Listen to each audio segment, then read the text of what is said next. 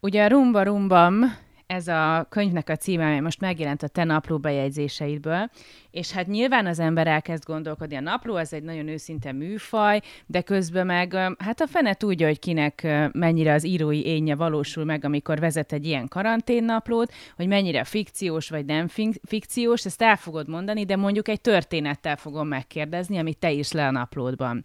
Hogy például, most interpretállak téged.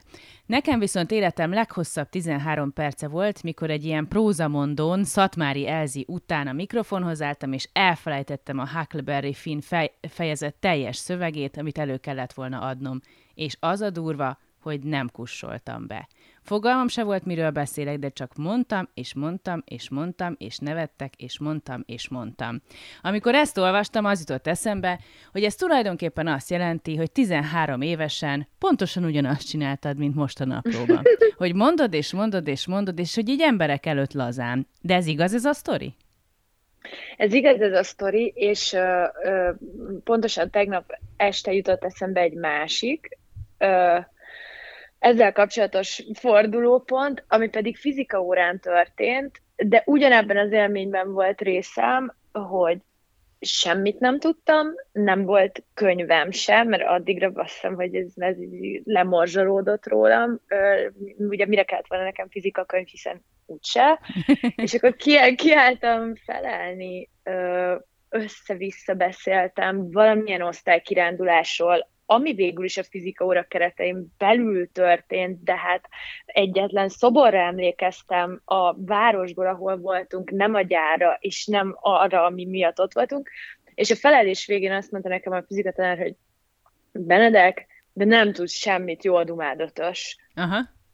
És, és valahogy mostanában a blog meg a könyv miatt meg, meg hogy ez az, ez az ív visszamenőleg szépen elkezd kifeszülni, hogy én mi vagyok, meg hogy lettem micsoda, e, e, ezek, ezek valahogy újra eszembe jutnak, ezek a pillanatok, a, amik, amik egyetlen irányba mutattak.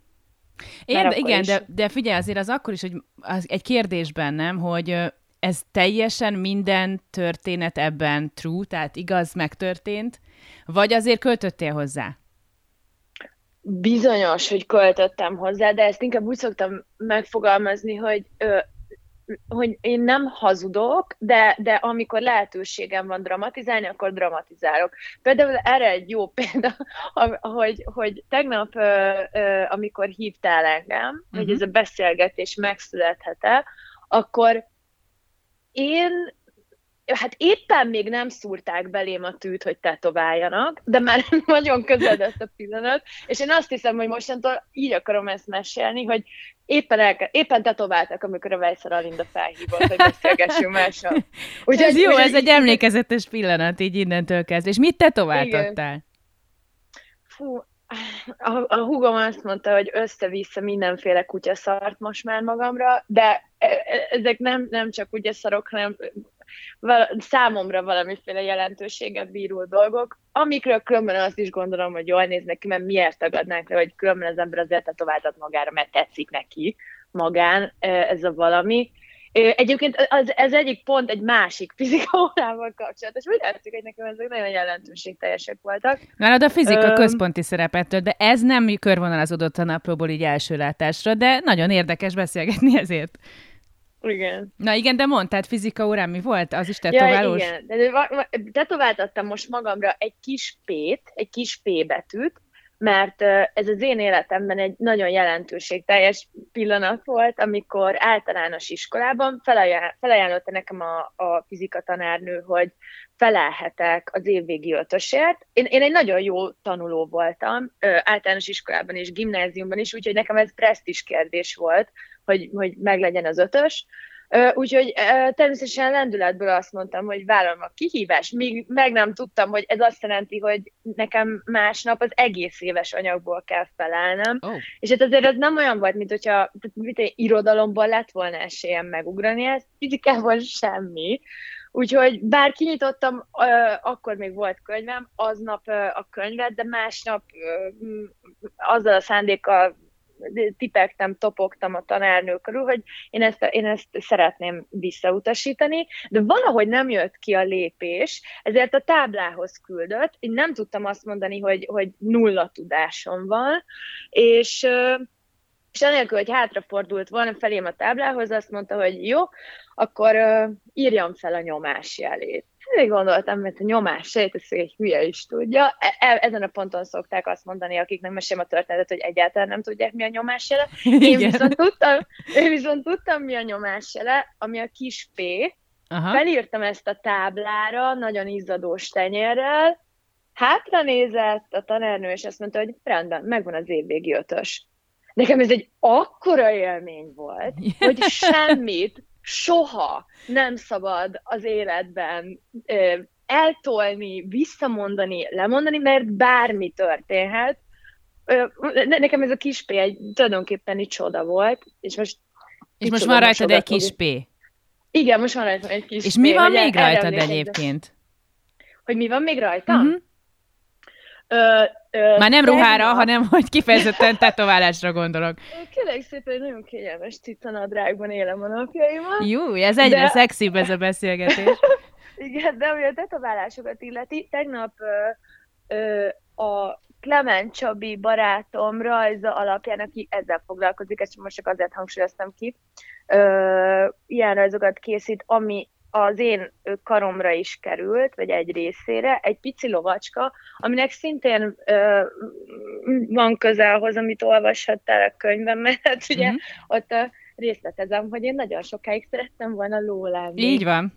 De ez több ponton is összekapcsolódik, tehát hogy a, a, ugye egyrészt amikor egy ponton beláttam, hogy nem lehetek ló, akkor, akkor azt is beláttam, hogy a legközelebbi dolog ami ezzel kapcsolatos, ez a lovaglás, akkor utána a lovaglással nyomasztottam a szüleimet, és végül is én egész gyerekkorom, meg tinikoromban lovagoltam, plusz ö, ö, a, a nagymamám is belekeveredik ebbe a dologba, mert ö, ö, vele állandóan ö, próbáltam lemásoltatni az ő asztalán álló kiscsikós vázán, vázát, ugye egyetlen a lovakkal, és hát ez nem olyan, az a vált azért bozalmasan ízléstelen volt, de, de, de azért szóval ez nekem több pont ponton fontos. Tudod, nagyon Most érdekes, amikor, amikor gondoltam, hogy beszélgetni fogunk, annyira kíváncsi voltam, hogy élőbeszédben mennyire jön az a stílus, ahogy a naplót írtad, mert nem természetszerű, vagy ez lehet, ezek lehetnének megműveltebb szövegek, de most már azt gondolom, hogy ez a napló kidőlt belőled. Igen. Tehát te leültél este, tehát ezt úgy képzelem, leültél este, ugye ez egy karanténnapló, tehát a karanténban játszódik, vagy akkor írtad, ott, hogy leültél este, és egyszer csak így, duf, ugye? Tehát mit én 22 perc alatt jöttek ki a fejezetek.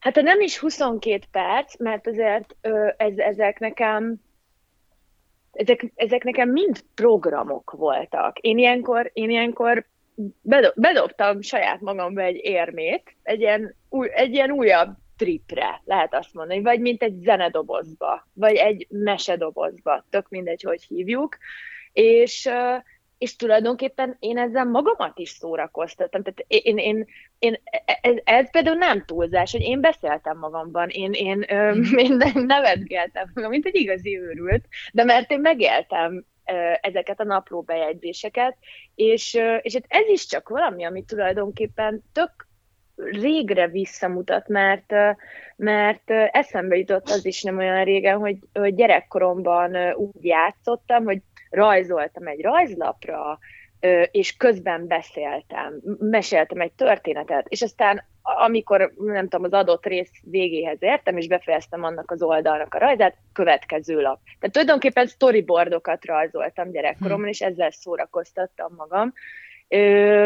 Nem, most csak azért mondom, mert nagyon hasonló ahhoz, ahogy én írok, vagy az a tudatállapot, és szerintem ez tök érdekes, hogy, hogy mennyire, mindig azt látom a gyerekeken, ahogy most magamra is emlékszem, hogy mennyire kész van egy, egy ember ilyen kicsi korában. Igen, de csak utólag fejted meg, hogy mi volt az, ami kész. Tehát, hogy most hirtelen nem Igen. tudnád megmondani, ha annyi idős lenni, hogy mi lesz belőled, de utólag logikusnak tűnik, hogy az van belőled. Ez persze egyébként a visszamenőleges értelmezésünk is lehet, hogy sok minden volt, csak igen, ezt emeljük ki belőle. De várj egy kicsit, mert most már szerintem mindenkit nagyon érdekel, hogy, hogy egyébként te miket csináltál ugye a, a könyv előtt, és hát jó, szóval voltál gimnazista, ez rendben van, és onnantól érdekes, hogy ebben a könyvben is van Voltam utalás. ló. Majdnem ló, de az végül nem jött össze, és egy ponton ezt be kellett látnod, és ezt a karriert feladtad, szerintem helyesen. És akkor egyszer csak az történt, hogy például az könyvedben is van utalás arra, hogy reality. Hogy dolgoztál realityben, és ha jól fejtem meg, akkor az RTL klub valamelyik realityjében, vagy a ugye Igen. leírásból azt fejtettem meg. Szóval, hogy például hogy kerültél a reality közelébe? Ez egy megélhetési forrás, vagy mit csináltál ott? Úgy kerültem annak a közelébe, Egyébként ez melyik Ú. reality, mert az nem derül ki számomra. ez, ez, a, ez, a, ez a Pumped Gabó című Ah. reality, vagy Pumpedék, vagy Pumpedék. Én nem is tudom, én Pumpednek ejtettem Én is pumpednek, is. de sokan pumpednek mondják. Igen, és nekem, nekem ez életem egyik legjobb élménye volt, mert, és úgy került, mert az önmagában elég vicces, hogy én, én ennek a közelébe kerültem, ö, mert, mert én tulajdonképpen egy születésnapi videót szerettem volna készítetni az egyik barátomnak, a Gabóval, mert mi néztük ezt a műsort, és nagyon jól szórakoztunk rajta, és azt gondoltam, hogy ez egy, ez egy, egy ilyen nívós meglepetés lenne, hogyha ö, Gabó köszöntené fel egy videóüzenetben, és történetesen tudtam, hogy, vagy ismertem a vágót, aki, aki ezt a műsort vágta, vagy ezt az adást, és, és írtam neki, hogy, hogy nagyon szeretném elkérni a, ennek a férfinek az elérhetőségét, plusz nagyon gratulálok, szerintem tök színvonalas ez a reality, és ezt én komolyan is gondoltam, hiszen ö, meg tudtam állapítani, hogy nem csak nagyon nevetek rajta, de, de vannak mélységei, meg magasságai, úgyhogy az elismerésem teljesen őszinte volt. És, eb, és akkor innen indult egy lavina, mert ez a, ez a vágó barátom azt kérdezte, hogy, hogy nem érdekel-e, nem érdekel-e engem még ennél még, még jobban is, mert hogy éppen keresnek valakit, aki a következő évadot ö, Írja? Hát ez, hát igen, ezt nehéz megfogalmazni. Nem, nem, nem, ez fontos, ezt az emberek kevésbé, igen, ezt az igen. emberek kevésbé tudják, hogy a reali- realitik hogy működnek, hogy vannak olyan realitik, sőt a legtöbb ilyen, ami azért irányított, hogyha nincs is megírva szövegkönyvszerűen, de hogy ezek irányított jelenetek, irányított helyzetek, amelyeknek nem mindig az a vége, mint amit kiszámol egy stáb, de mondjuk azért próbálna, próbálják egy útra terelni a realitit, ezek az Abszolút. úgynevezett scripted realitik, tehát hogy te egy ilyenben dolgoztál, és még egy gondolat mielőtt folytatod, hogy még azt is elmondom a hallgatóknak, hogy biztos sokan azt gondolják, hogy ez az igazi trash munka, alja munka, de nagyon nem. Tehát, hogy nagyon sok, nagyon színvonalas ember indul a realitikből, akik aztán később vágók, rendezők, színházi rendezők, filmesek, dramaturgok, forgatókönyvírók lesznek, tehát valamit nagyon meg lehet tanulni a ritmusról, vagy valamiről a realitikből, Jaj, nem tudom mit. Nekem, nekem abban a pillanatban egy, erre a munkára tulajdonképpen sem egzisztenciálisan, sem kreatívan ö, nem volt szükségem, de engem borzalmasan izgatott ez a műfaj, mert tudtam azt, ami be is bizonyosodott a, a, a folyamat közben, hogy soha nem lesz alkalmam ö, ilyen típusú mozgóképkészítést, ami tulajdonképpen a dokumentumfilm készítéshez Mhm. hasonló, vagy ahhoz áll legközelebb, gyakorolni, mert itt olyan instant dramaturgiai döntések meghozatalát kell produkálnom, és úgy átlátni karaktereket, viszonyokat, amik, amik folyton mozgásban vannak, ugye ez a lényege, hogy tulajdonképpen úgy irányítod ezeket a, ezt a közösséget, vagy ezt a, igen, ezt a reality közösséget, ami ott kialakul, hogy te a, a, a, a, karakterek közti dinamikát figyeled, de hát csak terelni tudod, és bármikor megváltozhatnak ezek a, ezek a tengelyek, és olyankor neked gyorsan kell döntés hoznod, hogy jó, akkor mi, le, mi, mi lehetne az a lépés, vagy az a következő lépés, ami a legközelebbi drámai ponthoz vezet. És, és ez, ez jó, tehát ez volt. neked miért hasznos például? Mert ez rendben van, hogy egy realityben hasznos, hogyha valaki gyorsan tud ilyen döntéseket hozni, de aztán mondjuk, amikor egy forgatókönyvet írsz, ott a szereplők már nem mozognak ennyire, ott nem egyik percről a másikra kell ilyen döntéseket hozni. Egy naplóban nem így van, tehát hogy valójában azokon a területeken, ahol te egyébként dolgozol, vagy akár a reklámiparban, nem így van. Ez, ez csak azt hiszem, hogy az ilyen adrenalin, ad, adrenalin élvezeti része volt, hogy ilyen gyorsan kellett ezeket a döntéseket meghozni, és ez nagyon izgalmas volt, meg nagyon jó érzés volt, hogy képes vagyok erre, de valóban azért a, a, a többi munkánál azért más más ezeknek a döntéshozataloknak az ideje, és ugye minél, azt hiszem, most ezt mondhatom is, hogy minél minél szerzőibb valami, vagy minél művészibb valami, annál lassabban történik minden, beleértve különben az, elkész, az elkészülés folyamatát is sajnos. Szóval ez egy másik idegörlő dolog. igen, igen. De, de igen, én, én azt is nagyon élvezem, különben is azért is akartam ö, ebbe belefolyni, mert én, én nagyon szeretek új műfajokkal kísérletezni, és engem az nagyon felvillanyozott, hogy ez valami teljesen más lesz, mint amit eddig csináltam. Előtte telenovellát írtam, közben nagyjátékfilmet fejlesztettem, becsúszott egy-két reklám treatment, és akkor nem lehet belefásulni egyikbe sem igazán, mert mert van egy ilyen izgalma ennek a változatosságnak. Ez így van, és ha jól tudom, akkor a játékfilm, amit írtál, az meg most milyen fázisban van? Képzeld el, hogy ez a dobozban, dobozban van. Ez egy, egy elkészült, és, és hát sajnos a, a, a járvány keresztbe húzta azt, hogy őszi premierje legyen, de, de hát nem tudom. De nem egyszer tudom, csak lesz premierje. Egyszer csak lesz.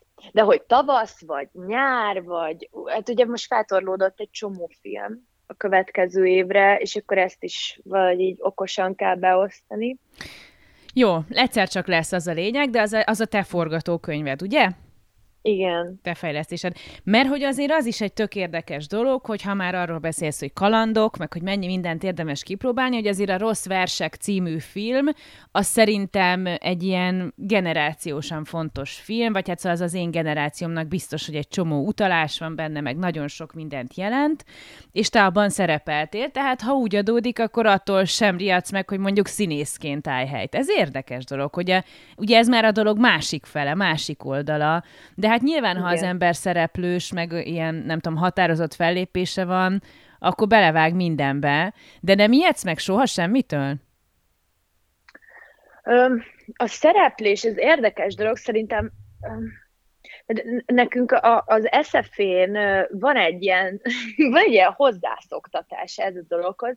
Egymás filmjeiben szereplünk pár éven keresztül, és, és egyrészt ott lesz egy ilyen, kény, ilyen jó, jófajta belekényelmesedés, hogy én, én azt érzem, hogy ott elvesztettem az ezzel kapcsolatos zavaromat. Uh-huh. A másik meg az, hogy ö, ö, tehát az én, az én repertoáromban ö, az annyira nem egy létező dolog, hogy nekem vannak ö, színészi kvalitásaim, és hogy nekem van erre, van erre képességem, hogy, hogy teljesen bele vagyok nyugodva, és teljesen komfortosan kezelem azt, hogy ez az, amit én tudok, úgyhogy ha, ha a Gábor ez a rossz versek esetében úgy döntött, hogy ez oda jó, akkor biztos, hogy jó. És ez, ezen túl én nem vagyok hajlandó ezen izgulni. Há, nem, persze, igazad. A Reis Gábor rendező egyébként, akit szóba hoztál.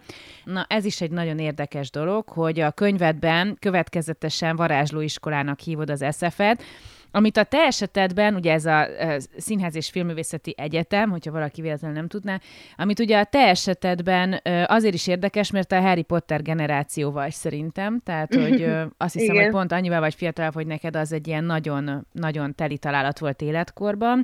Másfelől meg ugye ezzel szemben a másik egyetemet azt hívod a rendes egyetemnek, vagy normális egyetemnek. Szóval ez nagyon izgalmas számomra, hogy neked az SFE a Roxford? Igen. De miért? És most egyben felidézted azt a pillanatot, amikor még nem gólya, hanem veréptáborba, tehát gimne, a gimnázium előtti veréptáborba megyek, és ülök a vonaton, és ott van az első Harry Potter kötet a kezemben, mint egy ilyen, senki nem tudja még miatt, de valami nagyon nagy dolog. Aha. De visszatérve, igen, vagy rákanyarodva, azért, mm, mm, tehát egyrészt volt egy ilyen, egy ilyen mágikus vonzereje az egész SFT-nek, mielőtt elkezdtem odajárni, minden bulinak, amit lehetett hallani, úgy általában a közösségnek, ugye az egész intézménynek tényleg, különösen ahhoz képest, ami mondjuk egy tudományegyetem, ahol azt tudja az ember, hogy értelemszerűen kicsit merevebben, meg szárazabban zajlanak a dolgok, és ahhoz képest az SZF nekem egy tényleg egy, egy, egy varázslatos helynek tűnt távolról is, és közelről meg egy olyan helynek, aminek az atmoszférája engedi azt, hogy, hogy úgy üljek az asztalnál, ahogy akarok. És most egy másik részletre utalok, azt hiszem, be, mert nem tudom, hogy ho, mikor beszéltem a könyvben ezekről, és mikor uh-huh. máshol, de hogy erre, ezzel az, arra célzok, hogy ugye Hát, hogy önmagam lehessek, igen. Ö, amire nekem korábban nem volt példa. Na ez a kérdés, Nek... igen, igen, hogy, hogy hogy ki az, aki azt javasolja neked, hogy akkor próbáld meg az SFL-t. Erről írsz a könyvben egyébként, hogy ott írni kellett, és akkor azt mondta neked valaki, hogy ez gyanúsan jól van megírva, mint egy azt sejtetve, hogy esetleg nem te írtad, de hogy azt hiszem a szüleid nem éltek már akkor, amikor felvételiztél az SFL-re, vagy ezt nem tudom pontosan. Nem. Na, és hogy és hogy akkor ki az, aki azt mondta neked, hogy ezt próbáld meg? Kire hallgattál ennyire? Én, én, a, én a Szabó Iván nevű forgatókönyvíróra hallgattam, ö, aki akkor már ö, az én élettársam volt, és volt egy ilyen, ez egy, ez egy visszagondolva is egy különleges, meg furcsa helyzet volt, ugyanis én, én annyira elnyomtam, tehát az igazság az, hogy a tudományegyetemben valóban az írással akartam, vagy kezdtem el foglalkozni, de aztán nagyon elkanyarodtam onnan, és a filmezés gyakorlati oldalával, a filmgyártással kezdtem el foglalkozni, csak hogy nagyon hiányzott az írás, és ezt elnyomtam magamban, mert egyszerűen biztos ezt a, vagy biztos ennek a misztikumnak köszönhetően, és azt éreztem, hogy, hogy az egy megugorhatatlan dolog, hogy valaki a, a, a filmművészetire bekerüljön a forgatókönyvíró osztályba. És uh, valahogy, uh, valahogy végül is az, az Iván megsejtette ezt, hogy nekem mégis vannak ilyen dédelgetett vágyaim mm-hmm. ezzel kapcsolatban, de nem volt, de nem volt erre semmi írásos bizonyíték tulajdonképpen, hogy, hogy, hogy én erre alkalmas vagyok, és akkor egyik nap azt mondta, hogy, hogy üljek le az asztalhoz, és addig ne álljak fel, amíg nem írtam valamit. És akkor írtam egy, egy novellát, az is különben, ha nem is konkrétan a nagymamámról, de ott a nagymamám közegében játszódik, és megírtam azt a novellát, és soha olyan megkönnyebbülést nem láttam még arcom, mint akkor az Iván arc, aki erre biztozott, hát hiszen hülyességre is noszogathatott volna. Nem, meg ő jól látta, ez... tehát vissza is igazoltad Igen. nyilván abban a pillanatban. Igen, és ez nekem tök érdekes dolog különben, hogy e- ez a másik, ami érdekes, hogy hogyan lehet olvasni embereket anélkül, hogy és hogyha már az írásra beszélünk, hogy tulajdonképpen olvastad volna őket, mert egyszerűen csak van, van néha ilyen érzés, nem, hogy valakivel találkozol, és látod, hogy alkalmas. Akkor is, hogyha még arra nem született bizonyíték. Ja, igen. És e- ez történt. Ez egy jó dolog, nagyon, és akkor neked innen el is indult a dolog, de, de most kicsit, ha visszakanyarodok a könyvre, most szóba hoztad a nagymamát, meg a szüleid is szóba jöttek, az nagyon érdekes, és ezt nem tudom nem tudom, hogy kell csinálni, hogy az ember igazán fájdalmas dolgokról beszéljen humorra, vagy olyan dolgokat nevessen ki, amiken valójában sírni kell, szóval ez a keserű humor, ez a fekete humor, vagy nem tudom, ez nagyon érdekes szál ebben a könyvben, mert hát szóval beszélsz benne arról, hogy, hogy te nagyon korán maradtál tulajdonképpen egyedül. Hány éves voltál? Ö, ez mindig csak, ez is érdekes, csak a hugomtól tudom visszaszámolni, aki 13 volt, és ilyen 5 és fél évvel vagyok idősebb, mint ő, tehát ilyen majdnem 19 voltam. Aha. Na és hát, hogy ezzel kapcsolatban is van egy olyan hátborzongató történet a könyvben, hogy sajnos meg kell kérdeznem, hogy az mennyire igaz, hogy szellemidézésen.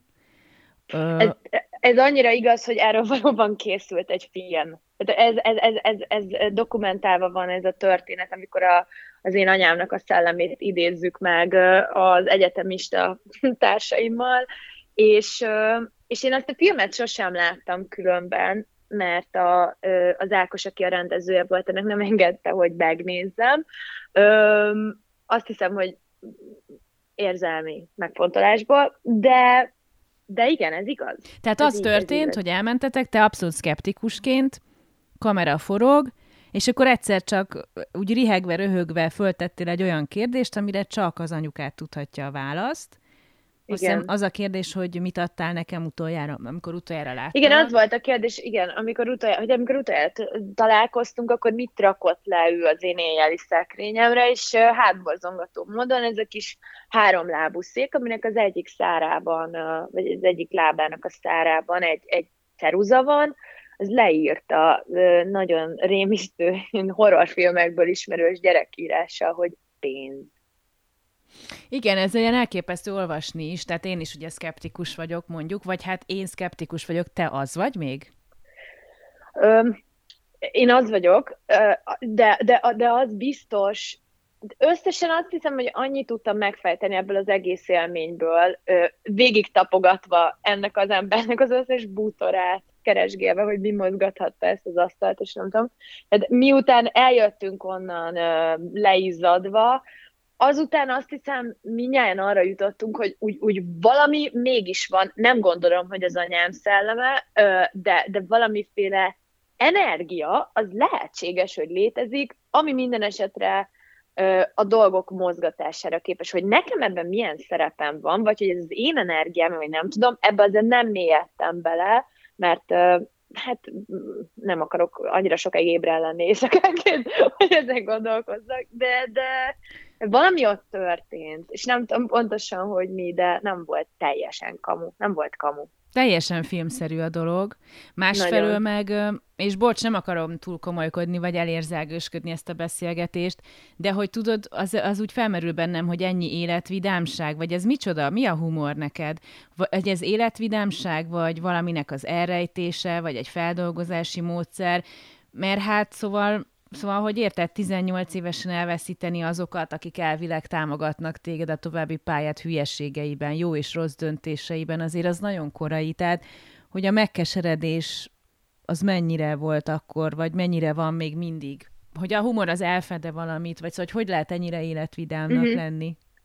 Szerintem, ö, ö, igen, szerintem különbséget kell, kell tenni, és lehet is tenni a között, hogy valaki folyamatos viccelődéssel üti el egy helyzet komolyságát, vagy, a, vagy egy tragédiának a feldolgozását, rosszabb esetben ugye folyamatosan vagy végtelenül, vagy pedig a humor eszközét használja fel arra, hogy könnyebben feldolgozza, nem megúszva, nem megúszva ezt a feldolgozást, és, és én, én, én, én azért merem állítani, hogy a második mm. kategóriába tartozom, mert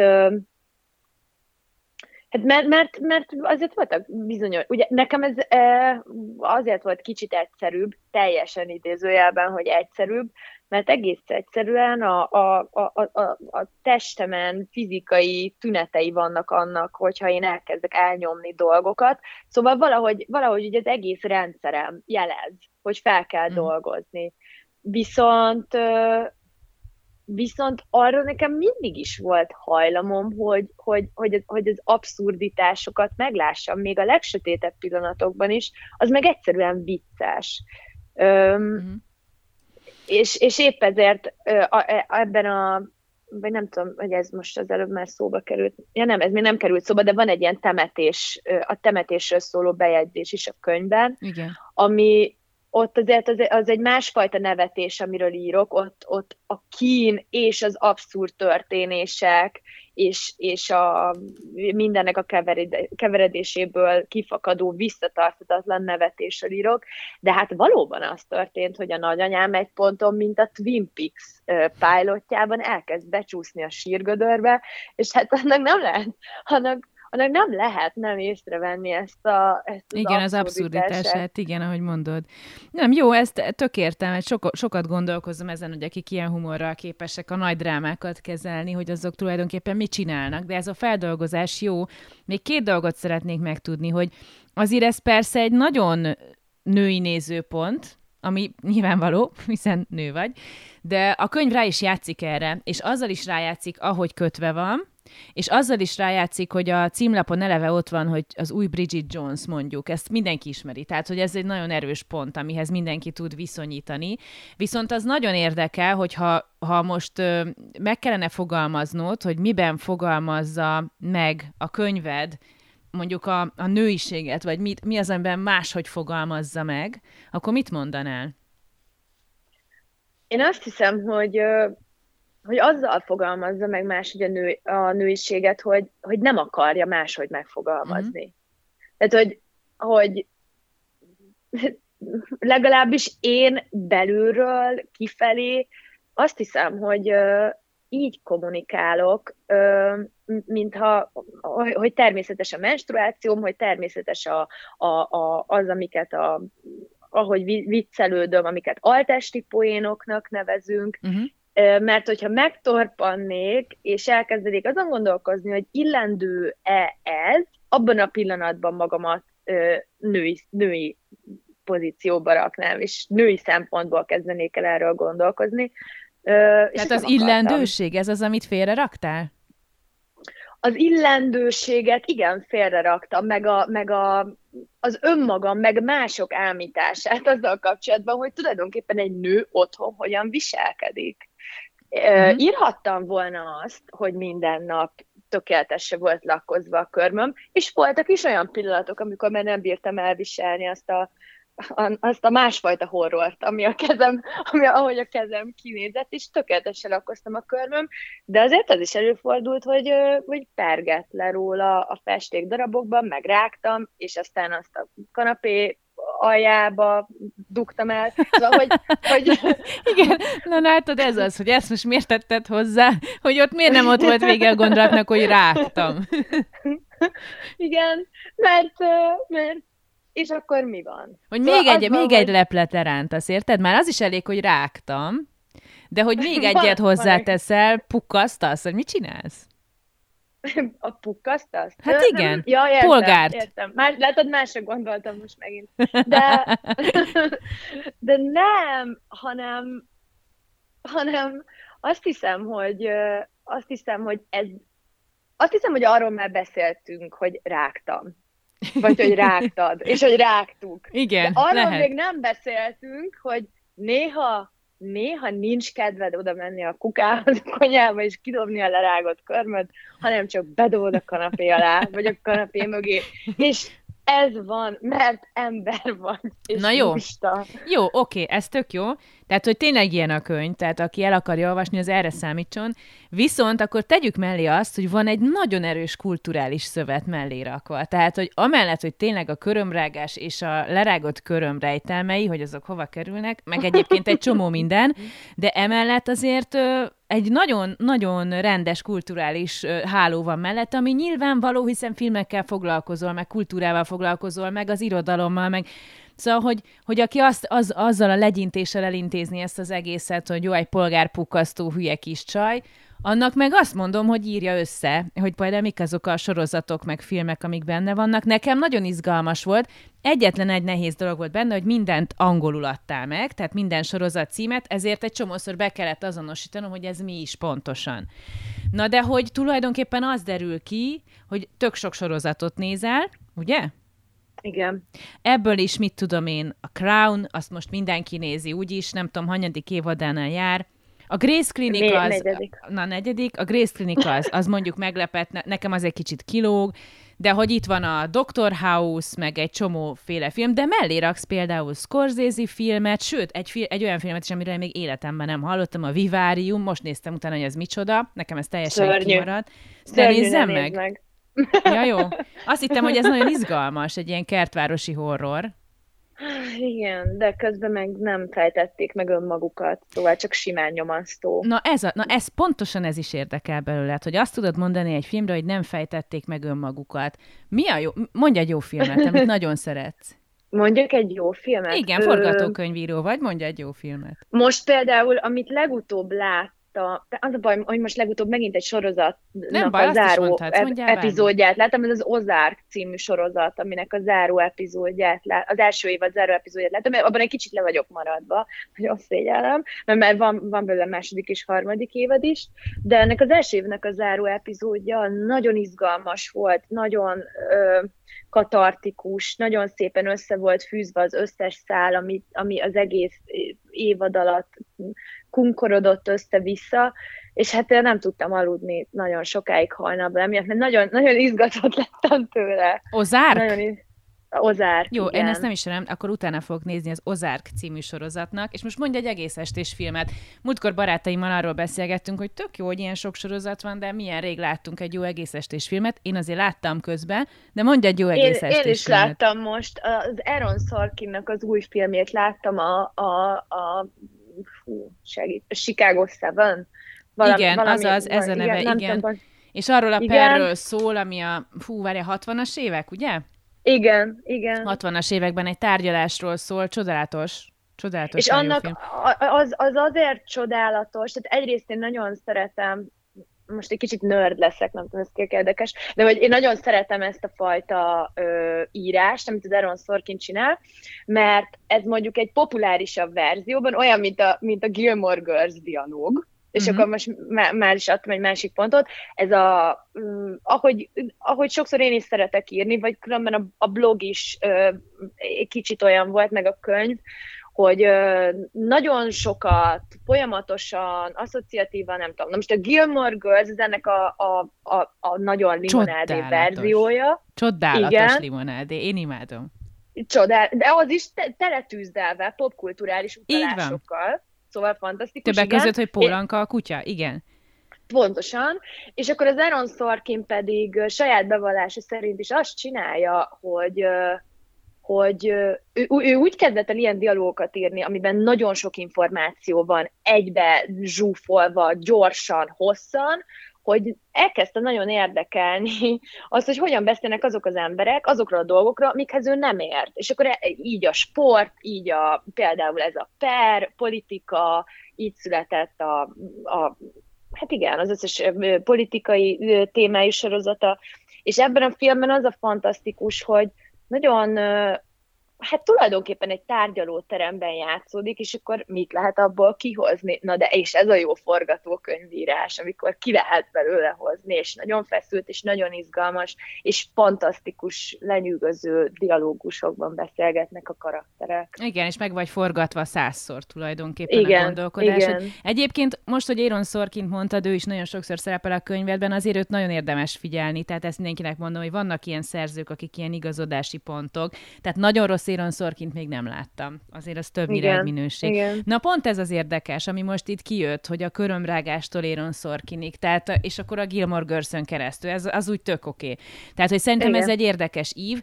Most már csak azt mondnak, hogy egy olyan napló sorozat, egy olyan napló, ami tele van utalásokkal, popkulturális, magaskulturális, meg mindenféle utalással, hogy ebből hogy lesz sorozat, mert lesz, tudom. Olyan jól felkészült, vagy nagyon szimpatikus. Jaj, de kedves, köszönöm. Ö, öm, igen, hát ebből úgy, hogy ö, teljesen más oldalára kell az asztalnak állni. Ö, nem, nem azt mondom, hogy, hogy már csak nyomokban fogja tartalmazni a blogot, meg a könyvet, de, de azért tolni kell a karaktereken Mhm. is, dramatizálni kell a, a, a könyvben megtalálható eseményeket, úgy általában máshogy kell felfűzni egy ívre, Ö, amit, amit én már elkezdtem, és már elkezdtünk ezen dolgozni a Petrányi Vikivel, aki ö, ennek a producert, aki megvette a megfilmesítési jogait Igen, a Petrányi könyvnek. Viki a Proton Cinema producere, aki egyébként Mundrucó Kornél állandó szerzőtársa. Igen. Igen, ő, ő az én szakmai tündérkeresztanyám. és, és, és, és mi elkezdtünk már ezen dolgozni, ezzel a nagy céggel közösen, és, és hát rem, én nagyon remélem, hogy ez létrejön. De te írod? Én írom. És te is fogod játszani?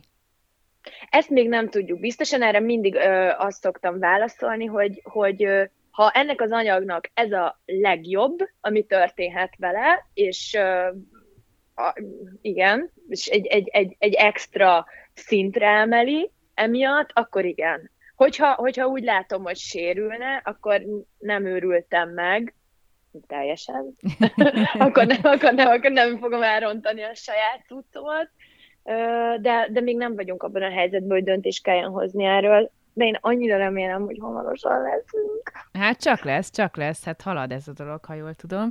Nagyon Igen. szépen köszönöm, hogy rám értél és beszélgettél egy kicsit, és akkor most mondom még egyszer, hogy rumba rumbam, ez a könnyen megjegyezhető és logikus és értelmes cím, amit mindenkinek keresnie kell, de nem erről fogják megismerni a könyvet, hanem arról, hogy gyakorlatilag keressenek a rózsaszín WC papírt a könyvesboltokban, és abból csak egy van, az egészen biztos. Szóval nagyon szépen köszönöm, és aztán hajrá, kíváncsi vagyok a sorozatra is. Én is köszönöm.